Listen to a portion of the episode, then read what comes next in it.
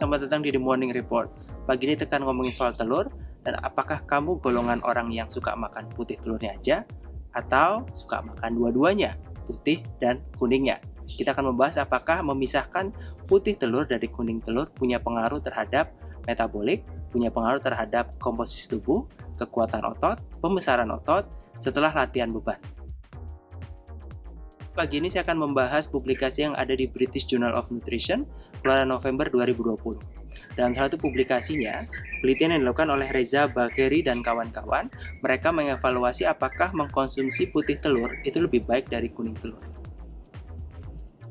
Jadi dalam penelitian ini, mereka membagi subjek menjadi dua grup, yaitu grup yang menerima uh, putih telur dan grup yang menerima putih plus kuningnya. Jadi uh, whole egg atau semua bagian telur dimakan.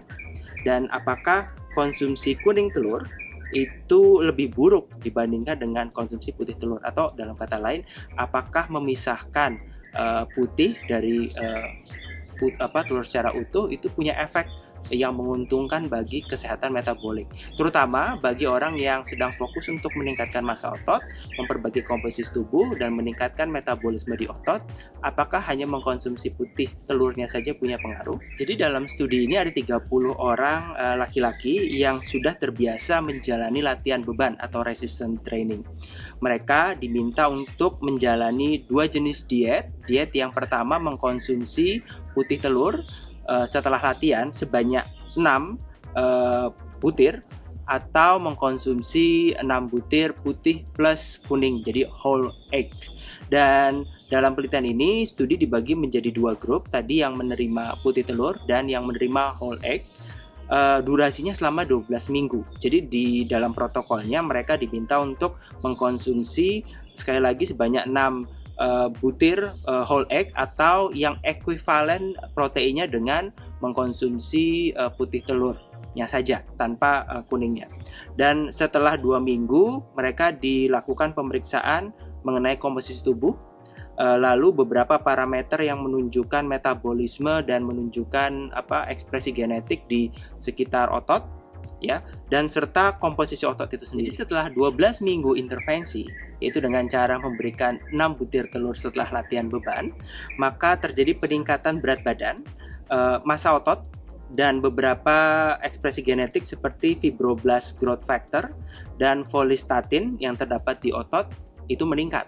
Serta setelah 12 minggu juga terjadi penurunan massa lemak, lalu penurunan beberapa komponen seperti myostatin, aktifin A, dan transforming growth factor beta 1 yang kesemuanya sama-sama turun. Dan dari studi ini mereka menyimpulkan bahwa meskipun dua-duanya sama-sama ada peningkatan berat badan, peningkatan massa otot dan mengalami penurunan uh, massa lemak, tidak ada perbedaan antara dua grup. Jadi uh, dua grup sama-sama uh, bagus fungsinya dalam meningkatkan massa otot dan menurunkan massa lemak bagi orang yang menjalani latihan beban dan pemberian 6 butir telur selama uh, eh, 12 minggu pada orang-orang yang menjalani latihan beban itu cukup efektif dalam menurunkan massa lemak. Jadi studi ini menyimpulkan bahwa uh, tanpa adanya uh, pengurangan atau penghilangan kuning telur sebenarnya tidak masalah dalam perihal menjaga komposisi otot. Tapi perlu dipertimbangkan dalam penelitian ini adalah mereka adalah laki-laki yang berusia sekitar uh, 24 tahun, 25 tahun, jadi masih cukup uh, sehat secara metabolik dan lebih penting lagi mereka aktif berolahraga. Oleh karena itu hasil penelitian ini perlu hati-hati disimpulkan atau ditarik terutama bagi orang-orang yang usianya sudah lebih dari 40 tahun, sudah mengalami gangguan metabolik misalnya peningkatan lipid atau kolesterol darah atau orang-orang yang mengalami gangguan tekanan darah sehingga Uh, karena uh, sekali lagi mereka sangat mengkonsumsi dengan jumlah cukup banyak ya 6 butir telur setelah latihan. Jadi itu enggak bukan dalam sehari tapi hanya setelah latihan.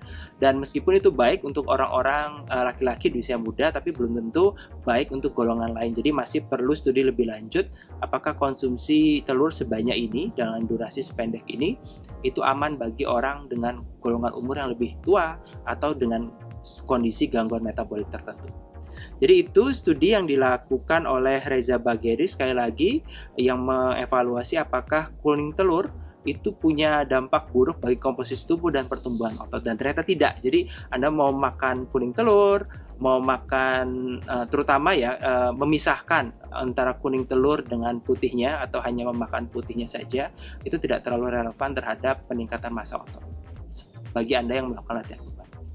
Itu yang ada di British Journal of Nutrition keluaran November 2020.